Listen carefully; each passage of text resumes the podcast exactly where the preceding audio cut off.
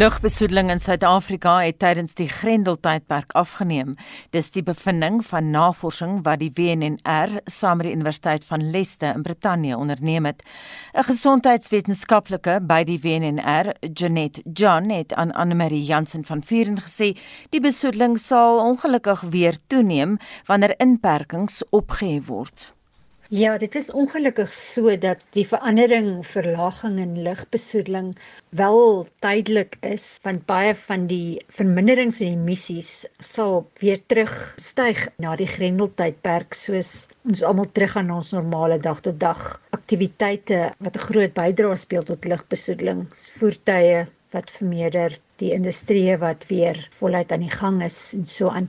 Maar hierdie periode gee wel vir ons 'n unieke geleentheid om meer te leer oor die invloed wat verskillende bronne op lugkwaliteit kan hê. Dit sluit natuurlike en mensgemaakte bronne in. En hierdie tipe inligting kan baie nuttig wees om te help met die ontwikkeling van lugkwaliteit planne en vir besluitnemers. Ons het die studie gedoen, het kyk na satellietdata wat 'n mens kan gebruik om die impakte van grendeltyd op konsentrasies van besoedelstowwe in die lug te doen. En ons het ook gekyk na grondgebaseerde metings wat by moniteringstasies gedoen word. En daarmee kan 'n mens kyk na die impakte van die grendeltyd op grondvlak konsentrasies wat dan weer 'n impak op die gesondheid kan hê omdat die grondvlak konsentrasies is op die vlak wat 'n mens asemhaal So dit is baie beter vir gesondheidsopnames. So hoewel die studies soos dit nou daar staan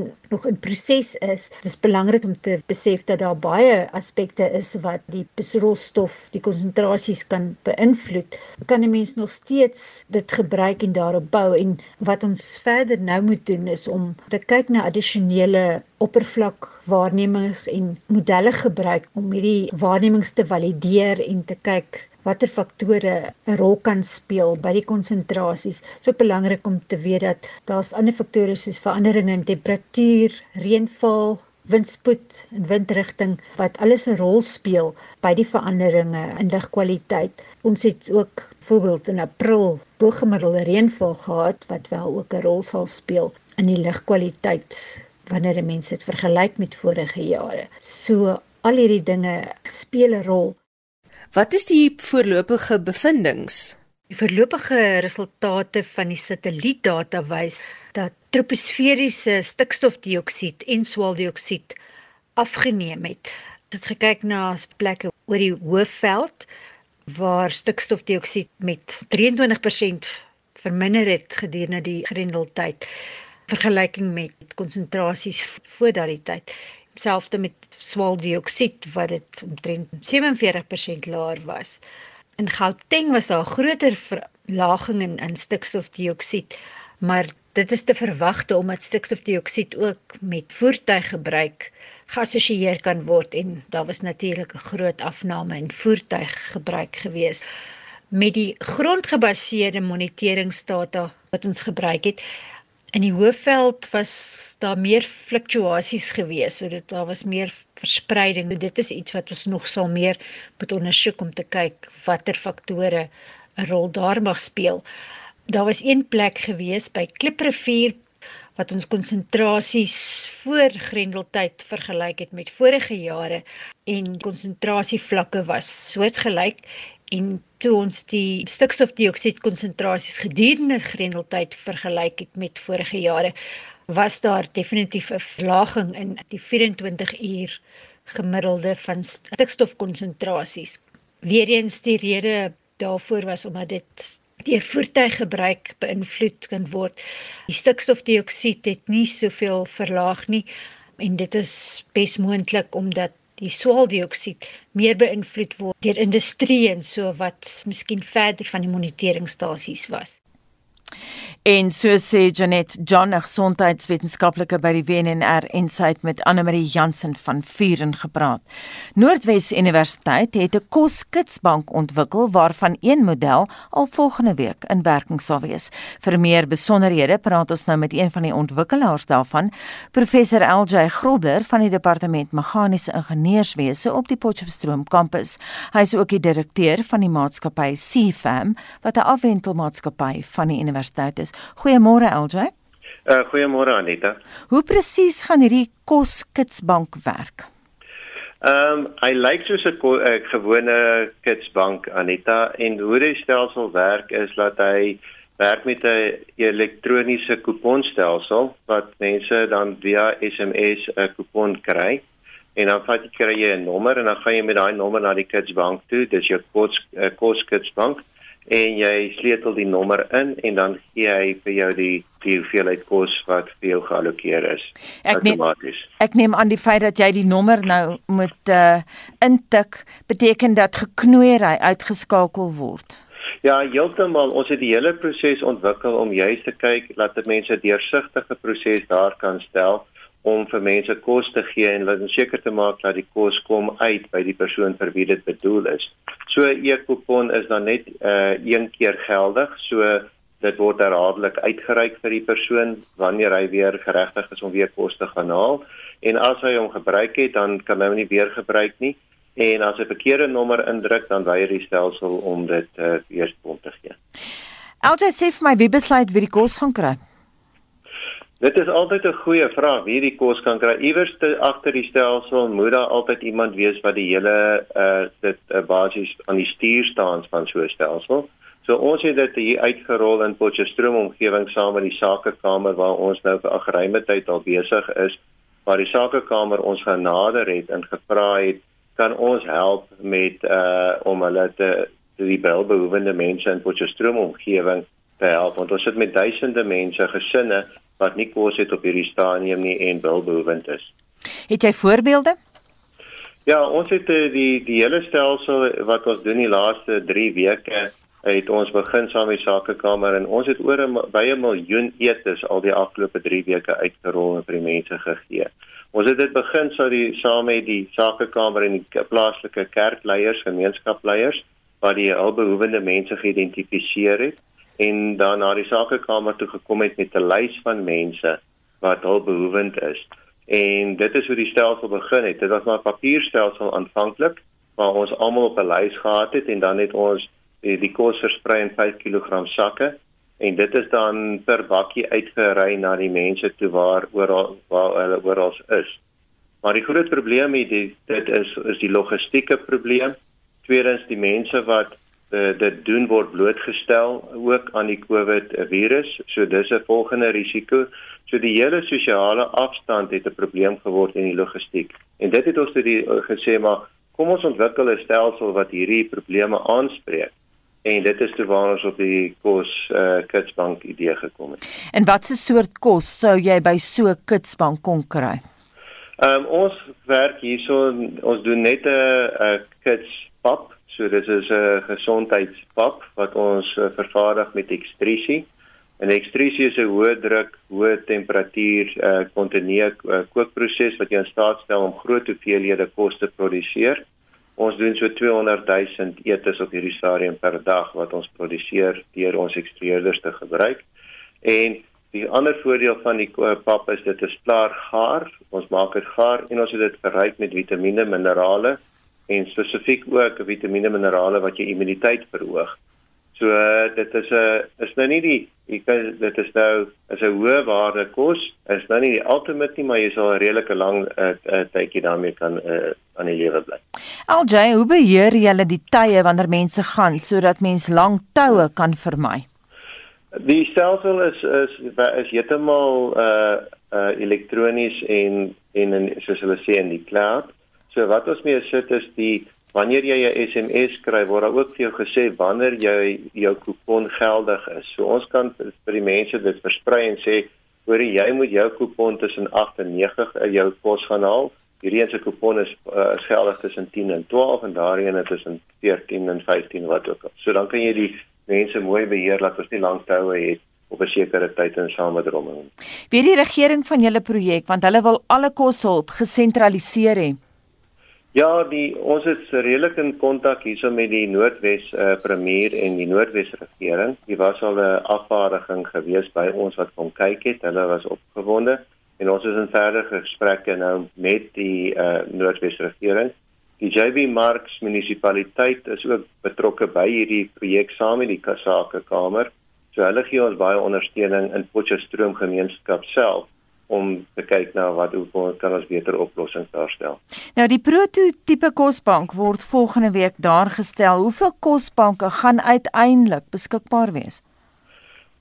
Op die ou einde is voorsien ons dit hierdie is 'n geleentheid eintlik waar mense so iets omtrent in elke dorp en streek 'n paar van hulle moet neersit. Want op die ou einde is die behoefte 'n lokale behoefte. Ons kan nie net sentraal dit doen nie. Dit moet versprei word na na na na die plekke toe. En as ons gaan kyk, daar's baie mense wat verskriklik honger het. Op hierdie stadium praat ons elke dag van die syfers van COVID, hoeveel mense nou al uh, dit het en hoeveel mense dood is.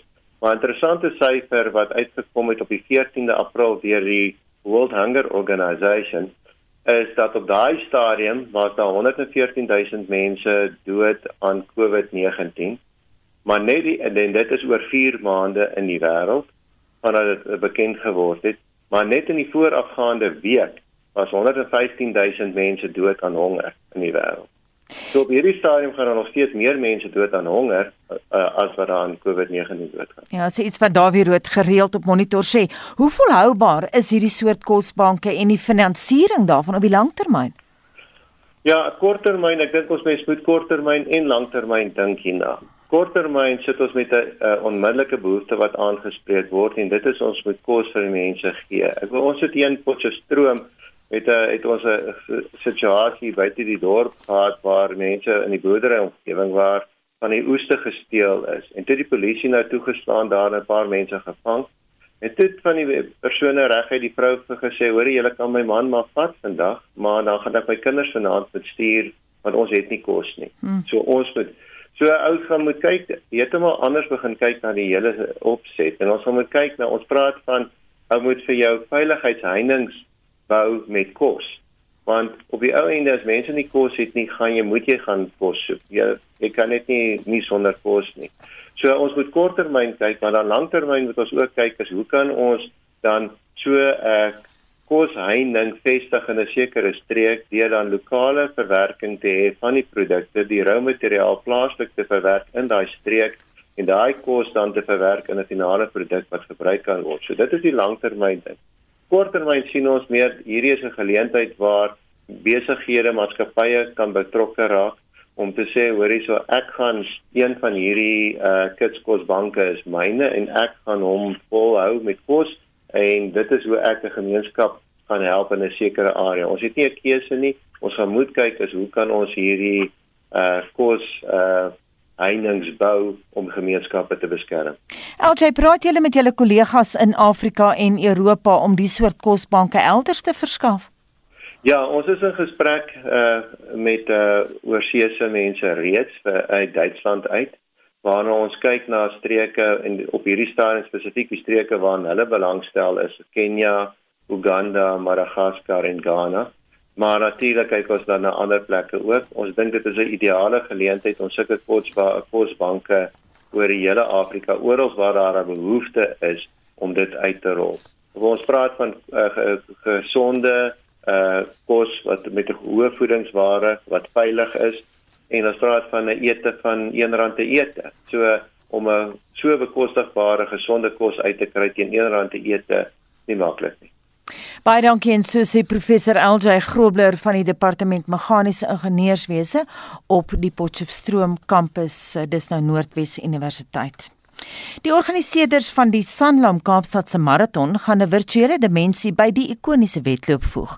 Dit beteken atlete sal van enige plek ter wêreld daaraan kan deelneem en dit vind plaas op 18 Oktober. Ons praat nou hieroor met die wedloopdirekteur Renay Jordaan. Goeiemôre. Goeiemôre Anita. Dis baie opwindend en is baie innoverend. Hoe gaan dit werk? Ja, ons is ook baie opgewonde daaroor. Ehm um, in hierdie onsekerte tye het ons besluit ons moet ietsie anders te aanbied ehm um, vir ons atlete. en ons het opgekom met die virtuele resies. Ehm um, en hoe dit gaan werk is dat atlete gaan 'n app kan ehm um, aflaai op hulle fone as hulle ingeskryf het en dan gaan jou foon jou trek waar jy hardloop en soos jy gesê het jy kan enige plek in die wêreld hardloop. So of jy nou in New York is of Parys is of Pofadder, ehm um, solank as wat jy die die kilometers af lê en met jou foon hardloop, dan kan ons sien waar jy hardloop en die kilometers voltooi het. En dit gaan ook baie um, interactive wees waar mense kan sien dit is bekende um plekke soos as hulle hardloop en sien maar is 10 km iewers in Pretoria, dan gaan hulle foon um weet 'n notification kry en dit sal dan sê jy hardloop nou verby die uh, Kaapstad uh, stadsaal en die Nelson Mandela statue staan daar so so baie inligting rondom die die roete en mense probeer kry dat dit voel asof hulle in Kaapstad hardloop. Renée, is dit die eerste ter wêreld julle idee? En dit is die eerste ter wêreld um, virtuele reis nie. Dit is nogal baie bekend en veral in die FSA, maar dit is nogal nie in Suid-Afrika en dit is eers toe die pandemie ons getref het dat organiseerders begin kyk het na virtuele reise. Wat wel anderste van ons is is dat dit regtig soos ek gesê het 'n interactive ehm um, ondervinding gaan wees. So ons gaan heel wat anders te wees as uh, ander virtuele reise. En dan ook dit is die eerste keer wat 'n groot wedloop in Suid-Afrika so iets aanbied. Gegee dat ons nou van vlak 4 inperking praat en nie vlak 5 nie, gaan die gewone padwedloop nog plaasvind? Ja, ons beplan nog vir die gewone padwedloop, um, maar dit is dit is nog vroeg. Ek meen die wedloop is eers in Oktober mm. en ons moet wat ons sien, dinge verander nogal op 'n daaglikse basis. So dit is bietjie vroeg om vir ons te voorspel of dit gaan voortgaan in sy oorspronklike formaat in Oktober, maar op hierdie stadium beplan ons nog daarvoor. En sê vir wat is die reaksie van die atlete? Is hulle opgewonde daaroor? Ja, ons het nogal baie goeie reaksie gekry vandat ons ehm um, eergister die die afkondiging gemaak het. Ehm um, en ek dink vir al mense wat nie in Suid-Afrika bly nie, want weet die laaste paar weke het almal gesien hoeveel wedloop en groot byeenkomste gekanselleer word en mm. ek kon ook sien atlete het weet hulle motivering is nie meer daar nie, baie teleurgestel toe byvoorbeeld ehm um, toe Oceans gekanselleer was en nou het hulle ewe skielik um, met 'n nuwe mylpaal ietsie wat hulle na voor kan mik om te sê nou kan ek vir iets oefen en maak nie saak dit in Kaapstad gaan plaasvind en of ek in my tuisdorp gaan hardloop nie ek kan hierdie maraton doen Baie dankie. Ons wens julle alle sukses toere nee en ons sal daai storie opvolg uh, op 18 Oktober. Dit dan die wedloopdirekteur van die Sanlam Kaapstad se maraton Renay Jordaan Drie Suid-Afrikaanse afdelings van die Wêreld Natuurfonds wat hulle self beywer om die oseane en seekosvoorraad te beskerm, het elke toekenning van 1 miljoen rand van die internasionale nie-regeringsorganisasie Marine Stewardship Council ontvang. Die geld sal aangewend word om beheermaatreëls te ontwikkel om die impak op bedreigde en beskermde oseaanspesies te verminder. Estie de Klerk het die besonderhede. Die Marine Stewardship Council, of beter bekend as die MSC, is 'n internasionale organisasie wat die volhoubaarheid van visserye dwars oor die wêreld ondersteun deur etikette te skep wat volhoubaarheid verseker, sê die uitvoerende hoof van die Wêreld Natuurfonds in Suid-Afrika, Dr. Morney Du Plessis. Dit is 'n baie baie hoë standaard en hier in Suid-Afrika het ons WWF 'n tipe van 'n erkenningsstelsel ontwikkel wat bekend staan by die naam SASSI the Southern African Sustainable Seafood Initiative. Nou as jy op die groen lys van SASSI is in Suid-Afrika, beteken dit nie outomaties dat jy voldoen aan MSC vereistes wat 'n baie hoë internasionale standaard is. Daar is wel visserye in Suid-Afrika op SASSI se groen lys wat ook MSC gesertifiseerd is en uh, ons doelwit is om soveel as moontlik van ons plaaslike visserye eers op die groenlys te kry van SASSI en dan die internasionale erkenning van MSC te kry. Du Plessis sê die MSC het 'n aantal projekte in die visserybedryf dwars oor die wêreld geïdentifiseer en geldelike toekenninge aan die projekte gemaak vir werk wat oor die volgende 2 jaar gedoen moet word. Een van die 1 miljoen rand toekennings is gemaak aan BirdLife Suid-Afrika om albatros fractus te verminder wanneer hulle na vis in die see duik. BirdLife Suid-Afrika is 'n uh, albatros taakspan is 'n uh, toekenning gemaak van 2 jaar waar hulle werk ondersteun sal word om seker te maak dat daar voorkomende maatreëls getref word in die stokvis klein trailer visserye waar die albatrosse dan op stokvisse afduik wat met 'n lyn en hoek ingetrek word en in die proses hulle self blootstel om in die hoek verstrengel te raak en so hulle lewens te verloor. En hierdie hele projek van BirdLife Suid-Afrika gaan werk op uh, mitigasie planne om seker te maak dat hierdie onnodige dood van albatrosse nie meer gebeur nie. Die MEC het nog 2 miljoen rand se toekenninge gemaak aan die Wêreld Natuurfonds vir twee projekte onderskeidelik, sê Du Plessis. Die een is om die volhoubaarheid van die oes van wilde mossels te versterk. Die twee projekte is uh, wyd uiteenlopend. Die eerste ene is vir die mosselvissery, die akwakultuur mossel wat gegroei word aan toue wat in die water hang. En daar's natuurlik allerlei kwessies om hierdie mosselprojekte wat onder andere behels die besoedeling van die water met die uitskot wat die mossels veroorsaak en dan om uh, ook natuurlik seker te maak dat die vlotte en toue en goed waaraan die mossels groei nie losraak en verdere impakte het op bedreigde spesies en ander aspekte van die marine ekosisteme. Die volgende projek wat baat vind by die toekenning is vir die bewaring van die albacore tuna. Du Plessis verduidelik presies wat dit behels. Dit is 'n tuna spesies wat wat in groot getalle bymekaar kom en die tegniek wat dan gebruik word, hulle noem dit 'n paal en lyn tegniek. Dit is die spesifieke vissery wat ons bietjie werk gaan aandoen om te sien of ons die volhoubaarheid daarvan kan verbeter. Maar die paal en lyn tegniek is om klein visse naby die oppervlak as aas uit te gooi, dan kom die tina in groot skole opgeswem na die oppervlak toe waar hulle dan met paal in 'n hoek sonder 'n weerraak gehaak word en so op die trailer gehaak word sodat hulle oombliklik op ys binne in die buik van die trailer kan beland. En daar's natuurlik allerlei tegniekverbeterings wat gedoen kan word, onder andere ook die oes beheermaatreëls wat in plek gestel moet word om seker te maak dat ons aan die volhoubaarheidsreëls van die oseaan kan nou. Du Plessis sê die albacore tuna is op die SASSI groenlys. Hy sê met die befondsing is dit moontlik dat dit opgegradeer kan word na MSC sertifisering, wat beteken dat toegang tot internasionale markte verkry kan word.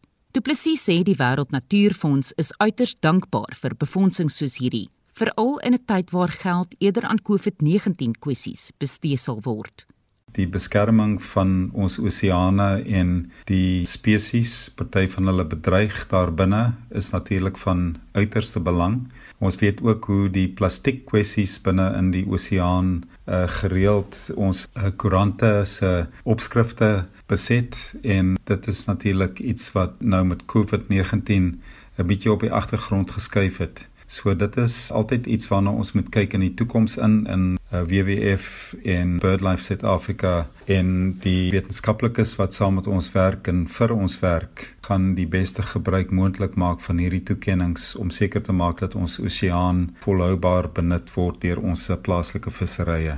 Dit was die uitvoerende hoof van die Wêreld Natuurfonds in Suid-Afrika, Dr. Morney Du Plessis. Ek is Estie de Klerk vir SAK nuus.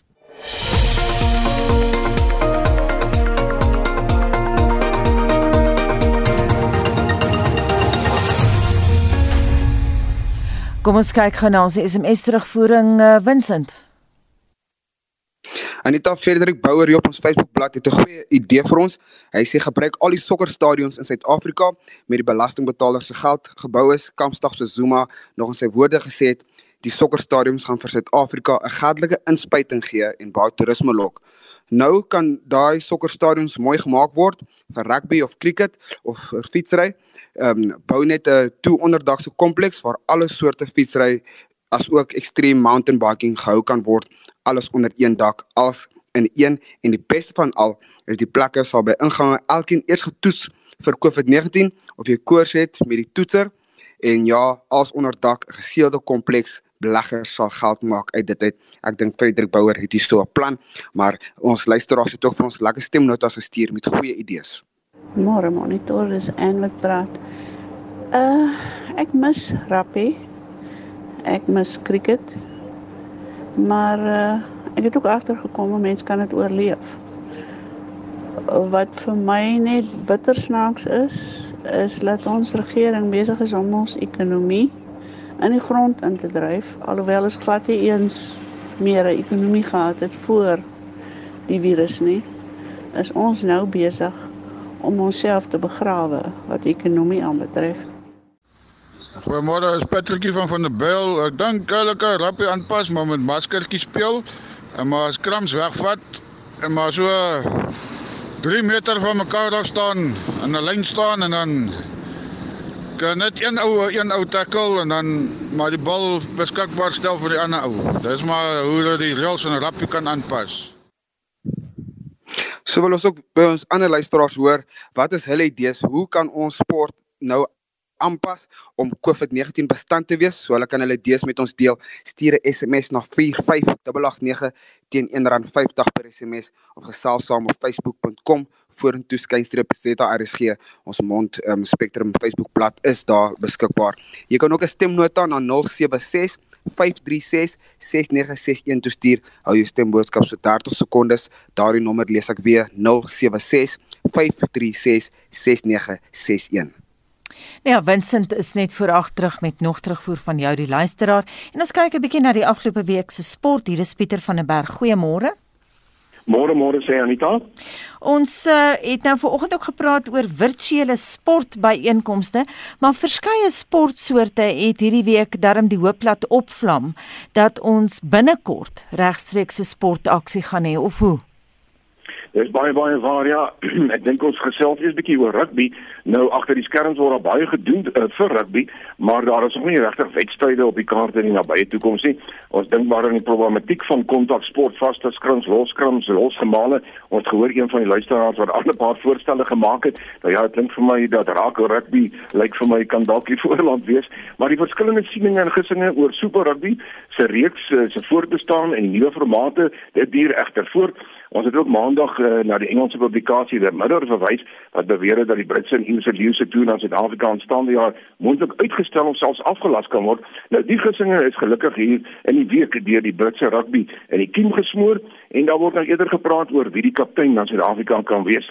En dan dit blyk tog of daar mense wat glo dat rugby nog hierdie jaar gespeel kan word. Wêreld rugby se hoof mediese beampte, dis uh, Irena Falvi. Hy het gesê hy glo in Seeland en Australië sal eers met klub rugby kan wegspring, waarna provinsiale en dan internasionale wedstryde kan volg. Nou die inperking in die twee lande word natuurlik op die oomblik reeds verslap.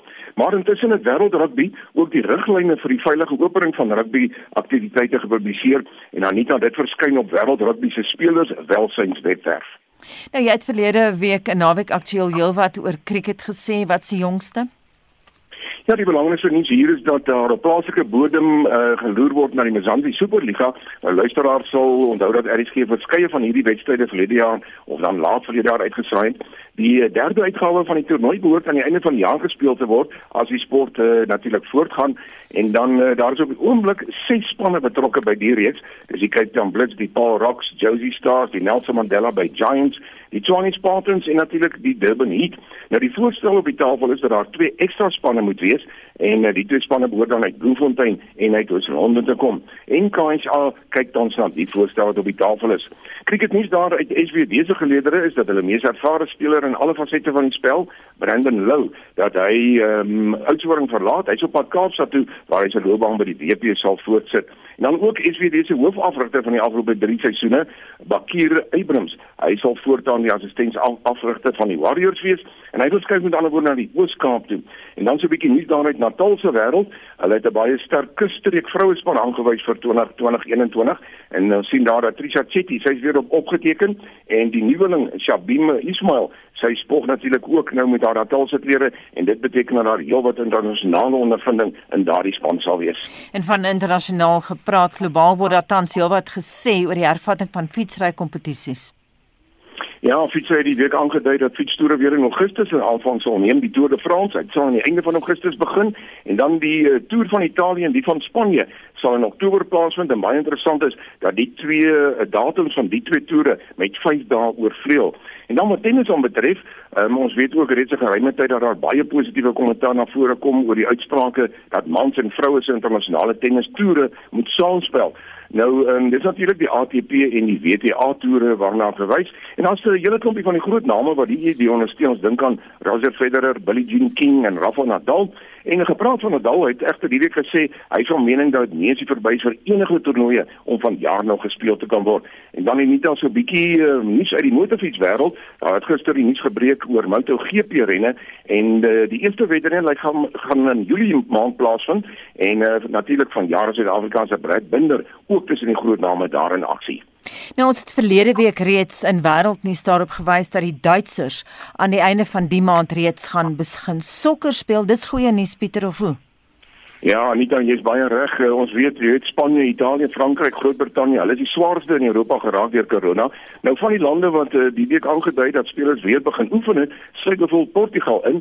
Ons weet Frankryk is uh, ernstig uh, teen die opening van sokker. Die regering sê nee, die hervatting van sokker is uit en uh, dit beteken dat selfs uh, in praktyk Paris Saint-Germain wat hulle kampioenligga bepalinge nog moet voltooi dit in ander lande sal speel. Nou in die laaste 24 ure het jy reg opgemerk die Bundesliga het het in Duitsland selfs hulle datums bekend gemaak wat aanstaande week, die Saterdag, die eerste wedstryde natuurlik dan gespeel gaan word. En dan ten slotte wil ek dalk net noem uh, wat die belangrike rol van uh, sport is in mense se ingesteldheid en hulle positiewe positiwiteit wat natuurlik beïnvloed word. Jy weet al moet hulle op TV of radio dit volg. Uh, in Brittanje die sekretaris van buitelandse sake Dominic Raab het hy byvoorbeeld gesê dit sal vir Brittanje 'n groot moraalversterker wees en positiwiteit onder die Britte bring indien die Premier League weer aan die gang kan kom. Op die oomblik word daar gekyk om erns in Junie weer sokker in Brittanje te speel en dan uh, sal die Premier League natuurlik daardie uitstaande 92 wedstryde in die Premier League ook wil voltooi. En dit was Pieter van der Berg met RSG Sport. Terwyl verskeie lande begin om inperkingsmaatreëls te verslap, word strenger wetgewing wat selfs tronkstraf behels elders ingestel. Wêreldwyd is daar nou reeds 3,8 miljoen gevalle van COVID-19 en minstens 668 000 sterftes. Marlenae het vir ons die nuutste vanoggend. Marlenae, goeiemôre. Goeiemôre Anita. In Australië word inperkingsmaatreëls van vandag af stapgewys verlig of opgehef. Dit gaan in 3 fases plaasvind en volgens premier Scott Morrison hang dit af van plek tot plek hoe lank elke fase gaan duur. Hy waarsku dat nuwe uitbrekings verwag kan word, maar sê die land kan nie aanhou om in vrees te leef nie. In Frankryk word inperkings landwyd van maandag af verslap. Slegs Parys bly vir nou uitgesluit. En intussen wil Belarus om 'n staat van algehele inperking aan te kondig, ten spyte daarvan dat dit die hoogste per capita oordragsyfers van COVID-19 in Europa toon. En dan gaan ons na Brasilië. Die sterftesyfer daar weens die virus neem met rasse skrede toe. President Jair Bolsonaro ehm um, vaar egter steeds uit teen deelstate in die land wat inperkingsregulasies ingestel het om verspreiding te bekamp. Die minister van ekonomie, Paulo Guedes, waarsku ook teen ekonomiese ineenstortings weens die um, inperkings. Die Indiese deelstaat Uttar Pradesh het intussen wetgewing bekend gestel wat tronkstraf en boetes kan beteken vir oortreders van afsonderingsregulasies. En dit is nou om die verspreiding van die virus te verhoed. So die wetgewing bepaal dat enige iemand wat die wetgewing of die virus eerder met opset of uit opstandigheid teen inperkingsregulasies versprei, 7 jaar tot lewenslank tronk toegestuur kan word indien iemand se dood deur die oordrag van die virus veroorsaak word. Sou die siekte oorgedra word sonder sterfte, word tronkstraf van 2 tot 5 jaar oorweeg en 'n bykomende boete kan in beide gevalle gehef word. Dit is van sowat 122 000 rand. En dan van Indië na Rusland, dokters en mediese personeel in Rusland se buitewyke het uiteindelik maskers ontvang om COVID-19 pasiënte te behandel. Dit volg op klagtes oor tekorte aan maskers wat aanvanklik op dowe ore geval het. Verskeie mediese personeellede beweer hulle het nie toegang tot maskers nie en dat baie gevolglik met COVID-19 besmet is. Een minister het toe sy volle salaris geskenk om maskers vir die personeel te koop. President Vladimir Putin het intussen ingetree en almal het nou glo toegang tot maskers. Nou die Afrikaners, die Amerikaners en veral die Europeërs het baie kritiek gehad oor die feit dat China nie deursigtig is in terme eh, van die oorsprong van die virus nie en ook wat hulle eie maatreëls betref, maar die Chinese het nou op die kritiek gereageer, Marlenae. Ja, China sê hy ondersteun nou die Wêreldgesondheidsorganisasie se pogings om agter die kap van die byl te kom wat die oorsprong van die virus betref, solank alle ondersoeke gebaseer is op wetenskaplike feite en nie binne politieke konteks nie. En op 'n ligter noot skiet saadverkope wêreldwyd deur die dak en dit is soos wat mense nou begin om hulle eie groente aan te plant. En dit was Marlenae Forsie met wêreldnuus gebeure. 'n Suid-Afrikaanse viroloog sê hoewel die Israeliese Instituut vir Biologiese Navorsing 'n belangrike COVID-19 teenliggaampie geïsoleer het, dit 'n baie duur proses is om miljoene mense te behandel. Die Israeliese minister van verdediging, Naftali Bennett, het die deurbraak maandag aangekondig. Professor Gert van Sail van die afdeling geneeskundige virologie by die fakulteit geneeskunde aan die Universiteit Stellenbosch verduidelik wat presies 'n teenliggaampie is. Teenliggame is baie spesiale proteïene wat die liggaam maak en hulle het twee belangrike dele. Die een deel bind aan wat gewoonlik 'n vreemde dinge soos 'n infeksieagent wat die liggaam binnendring en die ander deel wat meer konstant is, reageer met die immuunstelsel en dit help mense dan om nuwe goed te beveg. Nou 'n monoklonale teenliggaam beteken dit is 'n bepaalde soort teenliggaam. Wanneer ons geïnfekteer raak met iets, dan maak die liggaam baie verskillende teenliggame. Maar monoklonaal is een bepaalde soortjie wat deur een B-sel gemaak word. So elke B-sel soort in die liggaam, ons noem hulle klone, want al hierdie B-selle is redelik identies en hulle is almal dieselfde stamvader kan mens sê. Hulle maak almal dieselfde antiliggame. En die ander B-selle wat 'n bietjie anders lyk, maak ander antiliggame. So om 'n monoklonale antiliggaam te maak, moet hulle 'n bepaalde B-sel isoleer van die liggaam en dan kan hulle die sel modifiseer en dan kan daai sel klomp van hierdie teenliggame maak wat almal identies is en dit kan 'n baie suiwer produk wees wat ons kan gebruik om mense te behandel. Dit word veral gebruik in voorkoming van sekere siektes. Nou sê die Virologie Instituut wat aan die Israeliese weermag verbonde is, dat die teenliggaam wat hulle geïsoleer het, voldoen aan drie vereistes waaraan geen ander potensiële medisyne nog voldoen het nie. Die drie vereistes dat dit monoklonaal is en dat dit min skadelike proteïene bevat. Dit is in die laboratorium getoets waarin dit geslaag het om die virus te neutraliseer en dit het suksesvol getoets teen die mees aggressiewe vorms van die COVID-19 virus. Sou jy sê dis betekenisvol? Ek dink dit is 'n goeie stap in die regte rigting. Monoklonale antiliggame kan baie effektief gebruik word om virusse te neutraliseer. Nou wat neutralisasie basies op neerkom is verhoed dat hierdie virusse selle infekteer. Dit hou hulle weg van in hierdie geval respiratoriese selle wat hulle sou infekteer en mens siek maak.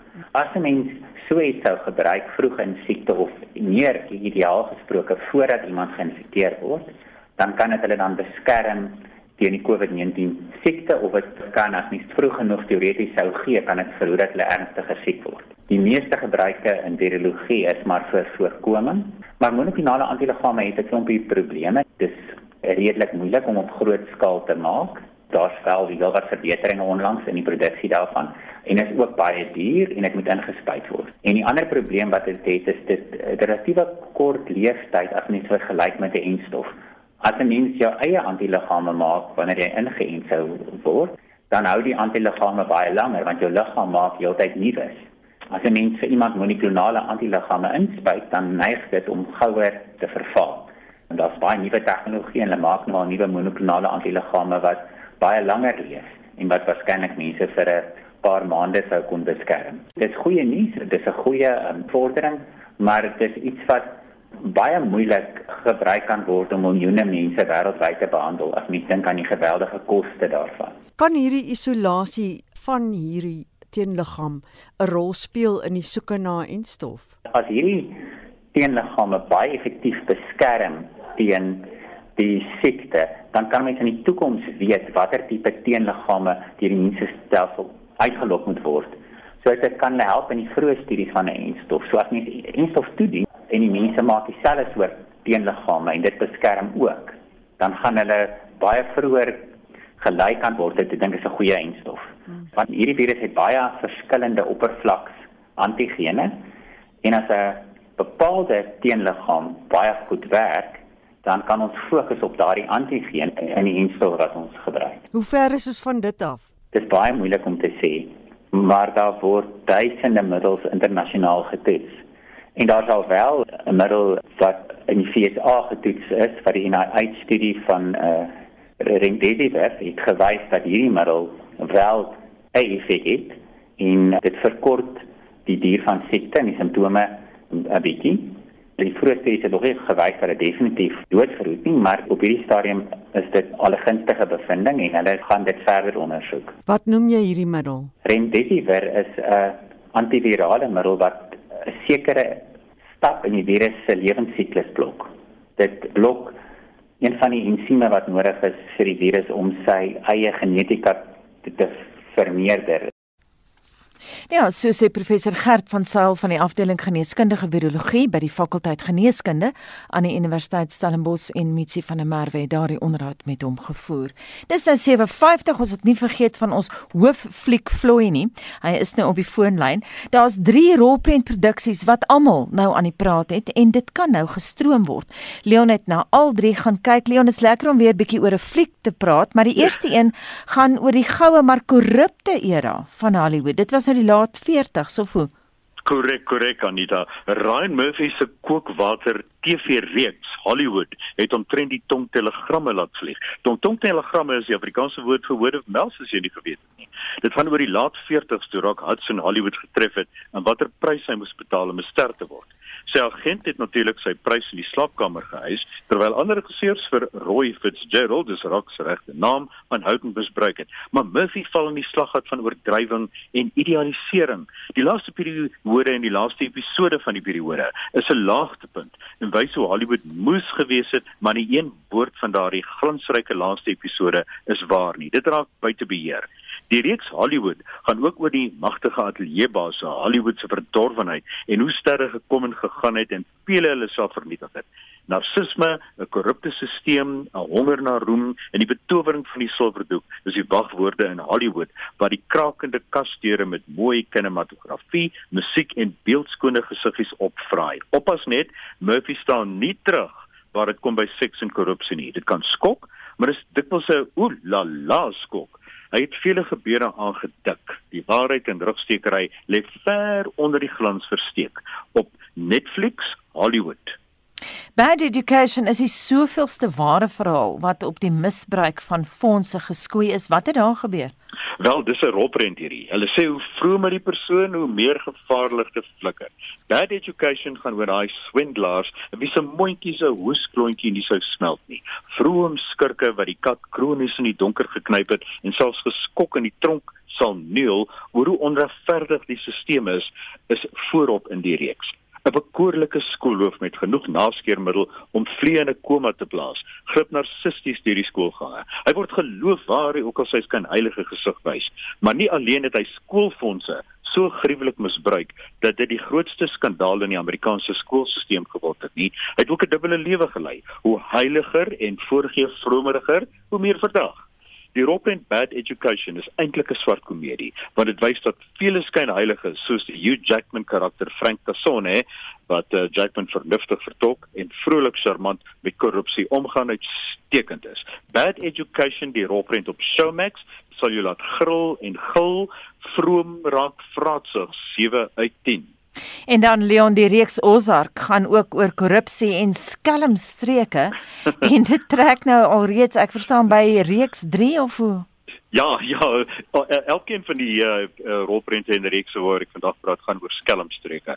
Ozark gaan oor 'n gesin gelei deur Jason Bateman en Laura Linney wat die gemeenskap se voorste geldwassers is en hoe hulle hul gesin uh hierdeur bestuur en hoe hulle hierdeur geraak is. Niemand se vermoed dat die gawe bure langsaan by die breë glimlagte 'n verneukspel vir so lank kon versteek nie. Dit gaan oor skelmstreke, maar ook oor 'n gesin wat dood normaal probeer funksioneer in uitsonderlike toestande deur voor te gee.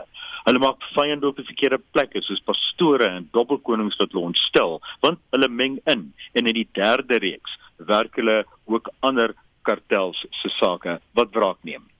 Ozark is 'n boeiende reeks wat jou sal laat vergeet dat jy ingeperk is, 7 uit 10. Lees die resensies op rsg.co.za of luister op potgooi daarna. Monster Mielies lui koerant opskrif van die afgelope naweek verwysend na die rekord mielieoes wat vanjaar verwag word. Die hoofredakteur en uitvoerende direkteur van die Woordeboek van die Afrikaanse taal, Dr Willem Botha, praat oor die woord mielie. Die goeie nuus binne in hierdie tyd is dat Suid-Afrika vanjaar sy derde grootste mielieoes in die geskiedenis verwag. Afrika se jaarlikse mielieverbruik is sowat 11 miljoen ton, terwyl 'n mielieoes van sowat 15 miljoen ton vir verjaar verwag word. Mielies is in 1492 deur Columbus van Sentraal-Amerika na Spanje gebring en van daar is dit na ander dele van die wêreld versprei. Portugese ontdekkingsreisigers het die mielie gewas na Afrika gebring. En die woord mielie het 'n Portugese oorsprong. Ons kry mielie uit Nederlands, mielie wat gespel word M I L I E. En dit is afgelei van die Portugees milu wat manna of mielie beteken. Die Portugese woord milu kom uit Latyn milium, 1000, wat waarskynlik weer verband hou met die Latynse woord vir duisende, naamlik milia, omdat daar duisende saadkorreltjies in die mielieaar voorkom. Vroeger jare was daar 'n oesfees in Suid-Afrika wat die mieliebal genoem is. Tydens die mieliebal het mense van verskillende plase in die aand op een plaas bymekaar gekom om die blare van die mielies te stroop, die mielies twee twee aan mekaar te knoop en op te hang om te droog. Waarna daar dikwels gedans is. Volgens sommige nie amptelike bronne het die uitdrukking gooi mielies wat 'n aanmoediging is om voluit te gaan, sou ontstaan by danse gehad waar mieliemeel op die vloer gegooi is om die dansoppervlak gladder te maak. As iemand sien jy kan mielies in jou ore plant, wil jy jou ore is baie veilig. Mielie koffie is gemaak van gebrande en gemaalde mieliepitte in tye wat daar nie koffiebone beskikbaar is nie. Moenie 'n mielie kilie nie, dig Philip de Vos, want mielies kan nie lag nie. En dit is ook nie iets wat 'n mens van mielies sou verwag nie. Tog moet ek jou verwittig. Soms raak mielies vreeslik pittig. so sê Dr Willem Botha, hoofredakteur en uitvoerende direkteur van die Woordeboek van die Afrikaanse taal. As jy 'n woord wil borg of koop, besoek www.wat.co.za of Google eenvoudig borg 'n woord.